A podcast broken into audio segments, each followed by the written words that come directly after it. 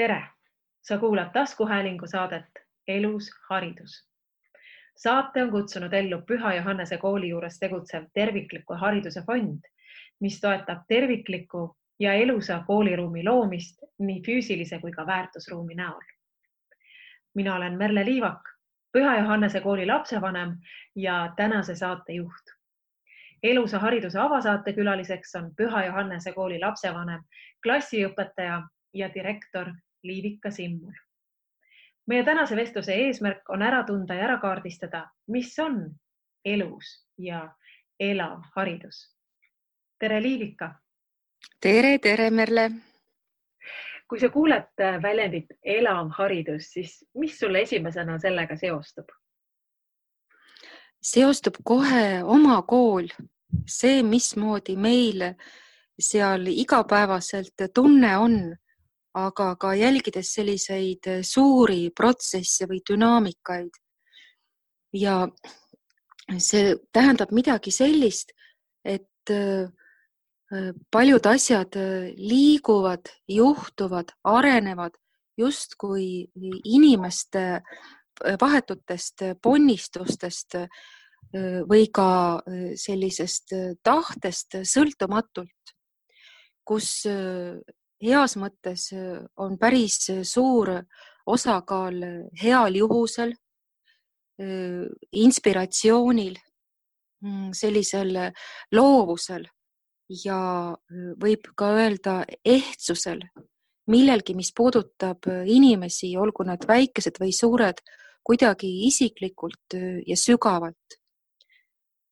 see tundub mulle olevat elus haridus, mis kuidagi haarab inimest, isiksust tervikuna ja hoiab teda suhtes ütleme iseenda, teistega sellise justkui inimesest ka sõltumatu eluallikaga, aga ka kooli kui sellise, kui nii võib öelda, sõltumatu ökosüsteemi arengufaasidega kas ähm, Püha Johannese koolil on midagi erilist ka välja tuua, mis tema seda elusust sellisel ähm, äh, omal moel väljendab? ja kui me räägime elust, siis äh, me räägime ju ka surmast. mingis mõttes äh, surm annabki ju elule mõõtme või, või tähenduse ja ka tegelikult sellise piirituse või igavikulisuse, kui me räägime elust, mis on surmast üle või surmast tugevam. et me kõik siin elus juba sünnime surelikuna ja see mingis mõttes noh, eriti praegu tuletab ennast meelde, et ta on alati meie lähedal, kuigi selle meelespidamine sellise noh, kiirustava ja ringi tuuseldava argielu käigus eh, muidugi eh, kaob meelest, eriti kui su ümber on nii palju noori inimesi, kelle puhul me sageli mõtleme, et see kõik on nendest nii kaugel ja me ehitame üles nende tulevikku või siis lihtsalt on see nii-öelda kultuuriliselt kuidagi noh, jäänud sinna nii-öelda viimasele leheküljele või kuskile nurga taha aga oma koolis mingis mõttes me seda nagu sellist äh, surma piiratud ruumi äh, ületame iga päev, kui me äh, hommikuti koguneme koos ja alustame päeva palvusega, olles suunatud ikoonide poole, mida ju kutsume aknaks igavikku. et me seal oleme pööratud millegi poole mis eh, on eh, elu suure tähega ja seal ikoonidel on ju inimesed, pühakud, kes on oma isikliku eluga, omade kogemustega saavutanud inimelu täiuse ehk surematuse. Nad on justkui sellised magnetid, mis nii nagu igasuguse suhtlemise puhul me oleme alati mõjutatud teisest inimesest, justkui ühendatud anumate seaduse järgi mingis mõttes vahetame oma energiaid. ja kui me oleme pööratud nende poole, kes on saavutanud igavese elu, siis see tegelikult annab sellise maitse ja, ja millimeetrise koguse iga päeva alustuseks ka meile. ja lisaks sellele on meil iga kuu kirikukülastused, kus lapsed viibivad ruumis, sakraalses ruumis, mis kehastab sõnumit sellest, et elu on igavene ja see toob kaasa niisuguse rahu ja rõõmu. me paneme tähele, et näiteks nendel päevadel, kui mõni klass on kirikus, siis tegelikult kuigi nad füüsilises mõttes käivad Nõmme õigeusu kirikus, kus meie kool on sündinud, mille liikmed kõik kooli asutajad on. ja siis me koolis, mis asub Siili tänaval, tunneme seda alati, et ma usun seda, et ühes kogukonnas inimeste vahel on selline suhtevõrgustik, kus kõik on kõigiga seotud. Ja tegelikult on see ju, me näeme praegusel ajal üle maailma, me oleme kõik üks selline globaalne võrgustik, kõik me praegu tegeleme sellesama nii-öelda elu ja surma teemaga, olles ka justkui nagu sunnitud sellele mõtlema oma kodudest nagu mitte liikuma või põgenema pääsedes aga ühesõnaga koolis on see alati tunda, kui mõni klass on kirikus ja võib tajuda nagu sellist äh, valguse või äh, rahulainetust üle äh, terve kooli. Ja nii me justkui teeme sellist kulleritööd, väikest sellist transporditeenust, et me käime ammutamas midagi, milleta on minu arvates raske kasvada ja see, seda võib nimetada eluenergiaks, sellise igavese kogemuse najal kasvamiseks. Liivika, sa, sa räägid nii suurtest nähtustest, et kas selle all üldse on väga palju vahet, et mis meetodil täpselt see, see õpe käib, et, et kuidas sa seda kommenteeriksid? ma arvan, et kooli puhul kõige tähtsam on õhkkond, atmosfäär hiljuti meie kooli hariduskonverentsi külastanud Bostoni õigeusu kolledži direktor Mark Reynolds rääkis eh, sellest, et üks kool peab olema seda tüüpi, mida ta nimetas terminiga beloved community.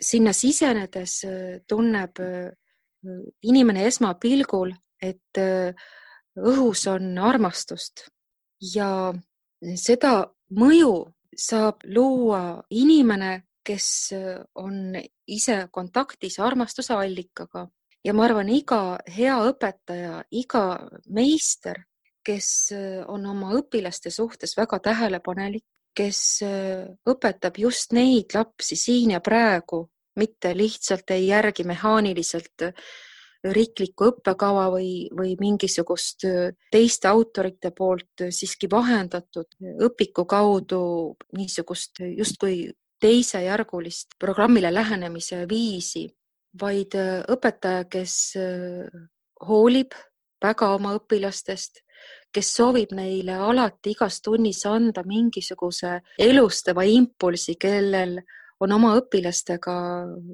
väga hea suhe ma usun, et selline õpetaja loob oma tunniga, aga ka üldse koolis ringi liikudes, kolleegidega suheldes elusse ja, ja oma vastutusse suhtudes, loob sellist erilist energiat.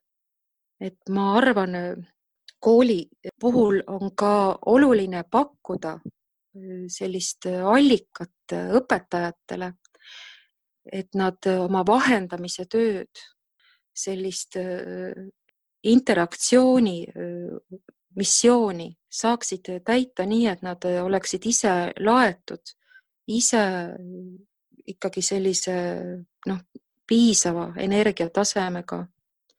ja see kõik kuidagi ehitab üles sellist valguse sammast kooli kohale.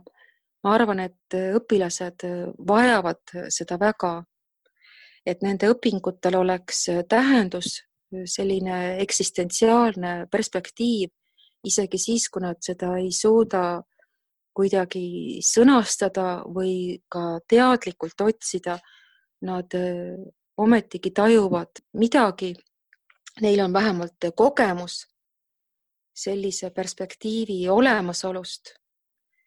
Ja see on juba iga inimese ja Jumala vaheline salaasi, millal keegi oma südames kuhugi pilgu pöörab või, või millisest käest kinni haarab.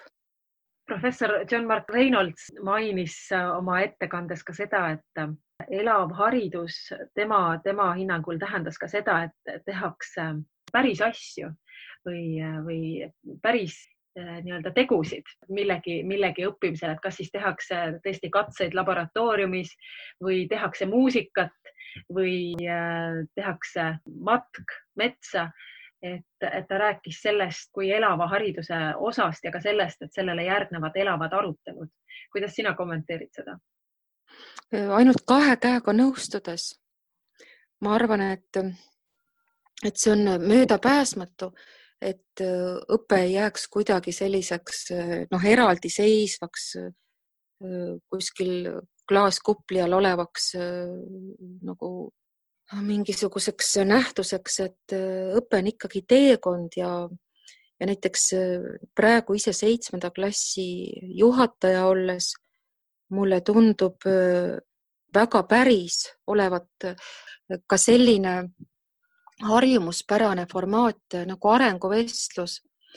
et ma tajun, missugune kapital on nende koos käidud seitsme aasta jooksul kogutud, nende perekondi nii isiklikult tundma õppides igal õppeaastal perelaagrites koos viibides, sündmusi heategevusüritusi koos korraldades, õpilastest palju rääkides või nüüd me kohtume üle videosilla ja seal on noor inimene ja tema ema ja isa ja me räägime sellest, kuidas on läinud ja missugused eesmärgid on edasiseks, siis see tundub mulle erakordselt nagu selline nagu tugeva verstapostina, et ka sellised formaadid mis toetavad suhet, on väga-väga-väga olulised. Nii et elavas hariduses on ka perekonnal roll, nad on kaasatud. ja noh, laps on alati ju osa oma tervikust ja mul on endal õpetajana olnud sageli tunne, eriti kui õpilased olid veel väikesed, siis ma tajusin, et siin pingis ei istu sugugi mitte ainult kakskümmend neli poissi, vaid nende vanemad, vanavanemad, isegi kõik nende suguvõsad ja esiisad välja, et see oli niivõrd äh, äh, selgesti tajutav, kuidas neil on nii palju kaasas. Ja siis hakkab tekkima midagi unikaalset, nende erilised isiksused ja hakkavad moodustama omaette meeskonda. Ma usun, et see ei ole kunagi juhus, missugused õpilased äh, satuvad kokku, kes on nende õpetaja ja siis hakkab sündima midagi kordumatut, midagi täiesti ainulaadset sellise teekonnana, mis, mille mõjud jäävad neid saatma ju kogu eluks. ma mäletan ma oma õpilastele, kui nad olid esimeses klassis, ütlesin, et äh, te olete koos vendadega et me peame kasvama nii, et äh, aastakümneid hiljem, kui näiteks te sõidate maanteel, teie autoga midagi juhtub, et te peate ükskõik kellele siit klassist saama helistada esimesena ja öelda, vend, mul on vaja korraks abi või midagi sellist. Ja, ja tõesti, see ehitas üles sellise meeskonna, kelle puhul ma tajusin, et see tõepoolest on võimalik et nad üksteisele toetuvad ja mulle tundub, et see on väga elus, selline tugev suhtekultuur. kas ähm, koroonakarantiinis on äh, vanemate ja perekonna roll veel kuidagi suurenenud? ja ma tajun, et perekonna roll on tegelikult võimendunud ja sellel perioodil on võimendunud äh, nii kõik äh, hea kui ka kõik, mis võib-olla me varem äh, tavaõppe juures panime tähele, et võib-olla võiks seal toetust rohkem olla või midagi sellist. et ütleme, perekonna funktsionaalsus järsku on palju silmatorkavam ja see peegeldub kõige igapäevasemates rutiinides ja ka prioriteetides. et kindlasti väga paljudes peredes on äh, keeruline, kus on praegu toimunud need äh, majanduslike raskuste nagu järsk ilmnemine või ka enda töökoormuse äh, kasv või üldse on vaja eesliinil olla ja laps on üksinda. aga on ka päris huvitav see, kuidas mõned vanemad ütlevad, et jah, mul on palju tegemist, aga mu lapse õpingud on prioriteet. ja, ja siis on neid, kes ütlevad, et mul ei ole tema jaoks üldse aega, sest ma pean tegema oma tööd.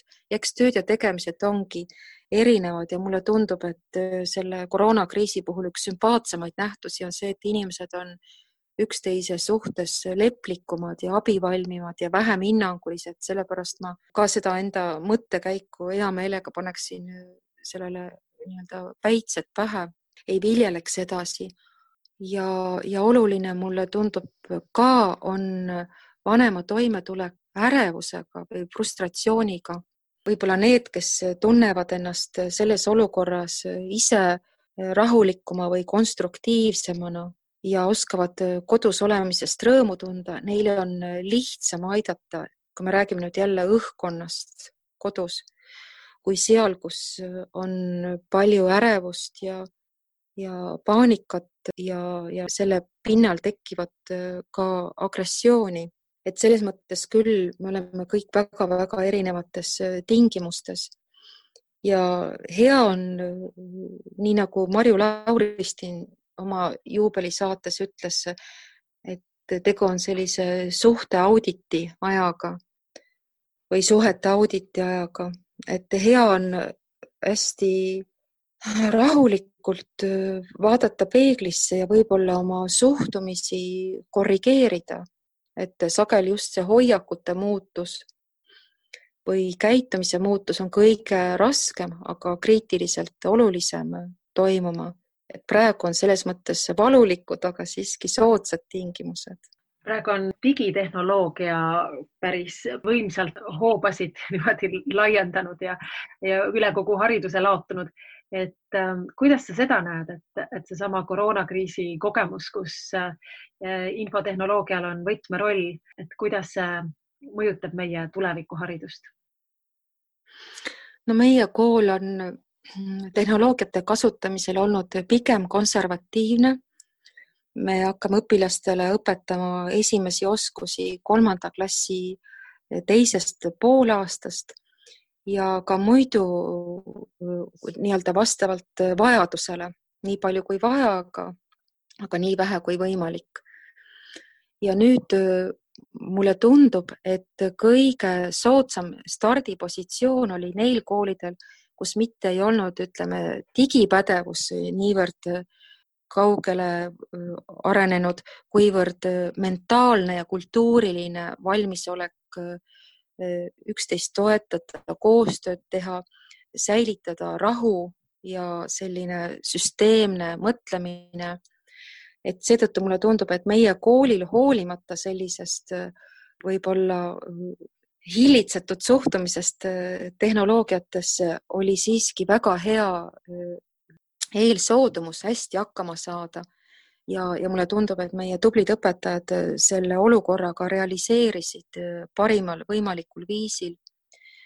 ja nüüd peredest päris palju on tulnud seda tagasisidet küll, et meid, meil on ikkagi olnud selline ühine meelsus. Pered on hästi olnud mõjutatud või kaasa tulnud meie iga-aastasest ekraanivaba päeva kampaaniast, et meil on olnud selline väärtusühtsus ja nüüd pered on pidanud, eks ole, siis ka selle tiigrihüppe tegema. Ja mulle tundub, et see võib-olla nädalaga päris hästi saadi sellega hakkama. Ja pigem on nüüd lastel kogemus sellest, et need tehnoloogiad on vahendid, et nad ei ole eesmärk ja nad on just saanud kogemuse sellest, kuidas sihtotstarbeliselt kasutada, aga ka näiteks seitsmes klass oma õpilastele ma helistan nagu teiste klassijuhatajatega, oleme kokku leppinud iga nädal õpilased läbi ja, ja küsime, kuidas on läinud isegi seitsmes klass kes ju tehnoloogiaid valdab hästi ja kellel on ka selline noh, ütleme kodude poolt kõrgem tolerants. Nad ütlevad, et nad tahavad tagasi paberit ja pliiatsit või et neil silmad valutavad või midagi sellist. et mulle tundub, et isegi see tehnoloogia väsimus, kus seda on vaja nii palju kasutada, on pigem olnud nagu positiivne kogemus. aga mis on veel näiteks huvitav, ma panen tähele, et õpilased on järsku hakanud esitama oma töid inglise keeles. ja seda ei ole kunagi varem olnud, et tõenäoliselt nad ikkagi kasutavad õppimiseks nii palju sellist ka inglisekeelset veebikeskkonda ja kuna neil meie kooli metoodikast lähtuvalt on see inglise keel, ma arvan, viiendast klassist alates juba väga vabalt käes siis äh, see oli päris üllatav ja ma pidin neile tagasisideks äh, kirjutama, et Eesti Vabariigis on õppekeeleks eesti keel ja kui õpetajaga ei ole lepitud kokku teisiti, et siis jääme ikkagi selle juurde, et see oli üks niisugune noh, huvitav, huvitav kaasnähtus digiväsimus äh, on, on ka huvitav kaasnähtus siin olnud, mis, mis paneb nagu lootusrikkamalt vaatama ka Püha Johannese kooli uue koolimaja suunas. nimelt äh, just praegu on käimas ju arhitektuurikonkurss, äh, mille võitja saab üsnagi peatselt selgeks. Mis tundega sa selle konkursi materjalidega praegu töötad pärast siis seda karantiini äh, raputavat aega? praegu esitatakse küsimusi, et on siis koolimaja hädasti ikkagi vaja ja, ja milleks me siis kokku tuleme sinna ja selliseid hääli me saime kodudest ka, et, et võib-olla ei olegi suuremalt äh, neid ruutmeetreid juurde vaja kui praegusel meie rendipinnal, kuhu me ülejärgmisest aastast enam mingil juhul ära ei mahu. aga mulle tundub, et äh, koos olemine on äh, ikkagi väga vajalik, et omaette küsimuseks on, kui palju ja mille jaoks täpselt ja millises vormis et ma arvan, et kool oma formaadilt muutub küll, aga ma usun kindlasti sellist kuldset keskteed, et kuskilt peab jääma rohkem paindlikkust ja vabadust ja sellist äh, voolavust, aga, aga me ikkagi kindlasti vajame üksteist ja üksteisega sellist vahetut kokkupuudet, sest praegu mulle tundub, me oleme hästi hakkama saanud just tänu sellele, et me tunneme üksteist nii hästi ja kõik need tajuhäired, mis läbi tehnoloogia suhtlemisel tekivad, on seeläbi nagu paremini maandatud mm. -hmm. aga nüüd neid arhitektuurikonkursi töid vaadates on muidugi olnud selline härdumus näha sellist tohutut eh, tööd, mis on väga noh, inspireeriv, kuidas äh, nagu alati on väga inspireeriv, kui inimesed teevad oma tööd hästi ja oli väga üllatav tajuda, et meie konkursile, mis ei olnud selline peatänava formaadis tehtud, vaid oma põlve otsas ilma suurema kommunikatsioonita laekus üheksateist tööd, mis näitab tegelikult kõrget avalikku huvi sellise unikaalse hariduse suhtes. ja tõsi, nüüd värske kogemuse pinnalt sai neid töid vaadatud ka hoopis nii-öelda uuenenud pilguga ja esimesena jagunesid nad kahte lehte. ühes otsas oli võimalik kergemini tajuda selle distantsõppe kogemuse järel koolis toimuvaid protsesse ja siis äh, teise poole töödes äh, võis rohkem näha seda niisugust äh, tehaselaadset õpet, kuhu tegelikult tõenäoliselt ei õnnestu kooli tagasi toppida mis sa arvad, mis on see, mida üks elav haridus võiks praegusest karantiini ajast kaasa võtta tulevikku? mis on see positiivne, see, mida sina õppisid ja, ja, ja ka näiteks äh, koolimaja konkursitööde vahel valikuid tehes äh, lähtuda tahaksid? Ühest küljest äh, nüüd see muutus kui väärtus on kindlasti meil praegu õpetajatega laual ja ma usun väga sellisesse ühisloomesse ja noh, läbi äh, analüüsitud äh, kogemusse me oleme saatnud oma õpilastele äh, küsitluse Õpilase hääl. me väga palju lapsevanematega suhtleme tagasiside teemal. Ma usun väga tasakaalu ja koos muutuse väärtustamisega pean veel olulisemaks püsivust kui väärtust. seda, et ka selliste järskude paradigma muutuste ajal on midagi, mis on ajatu ja seda võib võrrelda nagu jäämäe tipuga, et tõesti see silmale nähtav praegu palju muutub, aga midagi, mis on seal alumistes kihtides või ka teljena sellest kõigest läbi ulatuvalt kõrgemates kihtides, mis hoiab paigal tegelikult kogu seda nii-öelda kosmost inimese sees ja ümber. Ja see on muutumatu, püsiv ja ja annab ka paradoksaalsel moel muutusele sellise õige suuna ja tooni. Ja seda võib kooli kontekstis nimetada selliseks veel üheks pedagoogilise mõjuallikaks, mis asub inimesest väljaspool ning selle kaasamiseks selle äh, kohal äh, hoidmiseks äh, on vaja alandlikkust, mis tõmbab ligi igavese elu armu. Ja tsiteerides arhimandriit Vassiljust saab öelda, et tsitaat, alandliku meelega tegutsedes tunned, et sünnib midagi, mis ei sõltu sinu enda pingutustest, vaid Jumala kingitud armust. mitte sina ise ei tegutse ega talita, vaid sa koged Jumala armu toimet, allud kasvamisele ja edenemisele vaimulikus elus. et mulle tundub, et selline ankur just suurte muutuste ajal on see, mis aitab neid kõige paremal viisil juhtida. Ja kui ütleme, sellel kriisieelsel ajal ma tajusin äh, kooli ka ikkagi muutuses äh, olevana. Äh, nii nagu iga, ma arvan, tubli kool tegeles ju innovatsiooniga.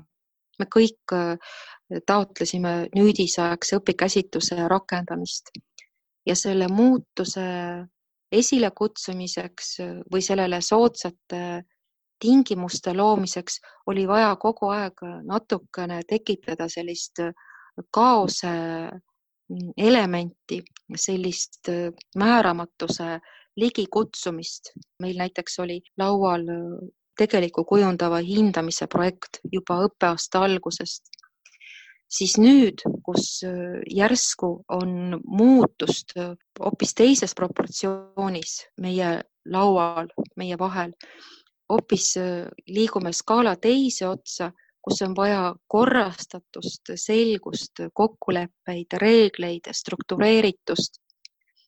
ja siis peab olema millelegi toetuda, mis äh, aitab äh, nii-öelda noh, mitte kreeni minna, mitte orbiidilt välja lennata, et see on, ma arvan, väga suur rikkus, kui on võimalik koos liikuda sellisel äh, kaose ja korra vahelisel skaalal igas ajahetkes just sellist õiget tasakaalupunkti otsides.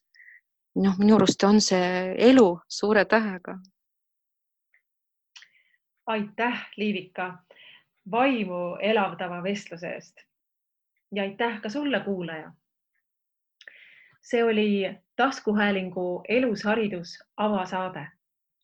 Nädala pärast kohtub teiega Püha Johannese kooli õpetaja ja Tervikliku Hariduse Fondi juht Irina Pärt, kelle vestluskaaslaseks on seitsme lapse isa ja doktor Philip Mamalakis, kelle sulest on pärit paljude poolt armastatud laste kasvatamise teemaline raamat Üleskasvamine.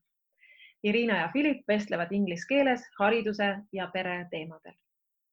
mul on ka üks ilus üleskutse. kutsun sind, armas kuulaja, Püha Johannese kooli lapsevanemate poolt toetama väikese püsiannetusega elusat haridust ja Püha Johannese kooli uue koolimaja ehitamist Kivimäele. seda saab teha lihtsalt ja nobedasti veebiaadressil anneta.pjk.ee. meie jaoks on ka väga väikesel panusel tohutu jõud. suur aitäh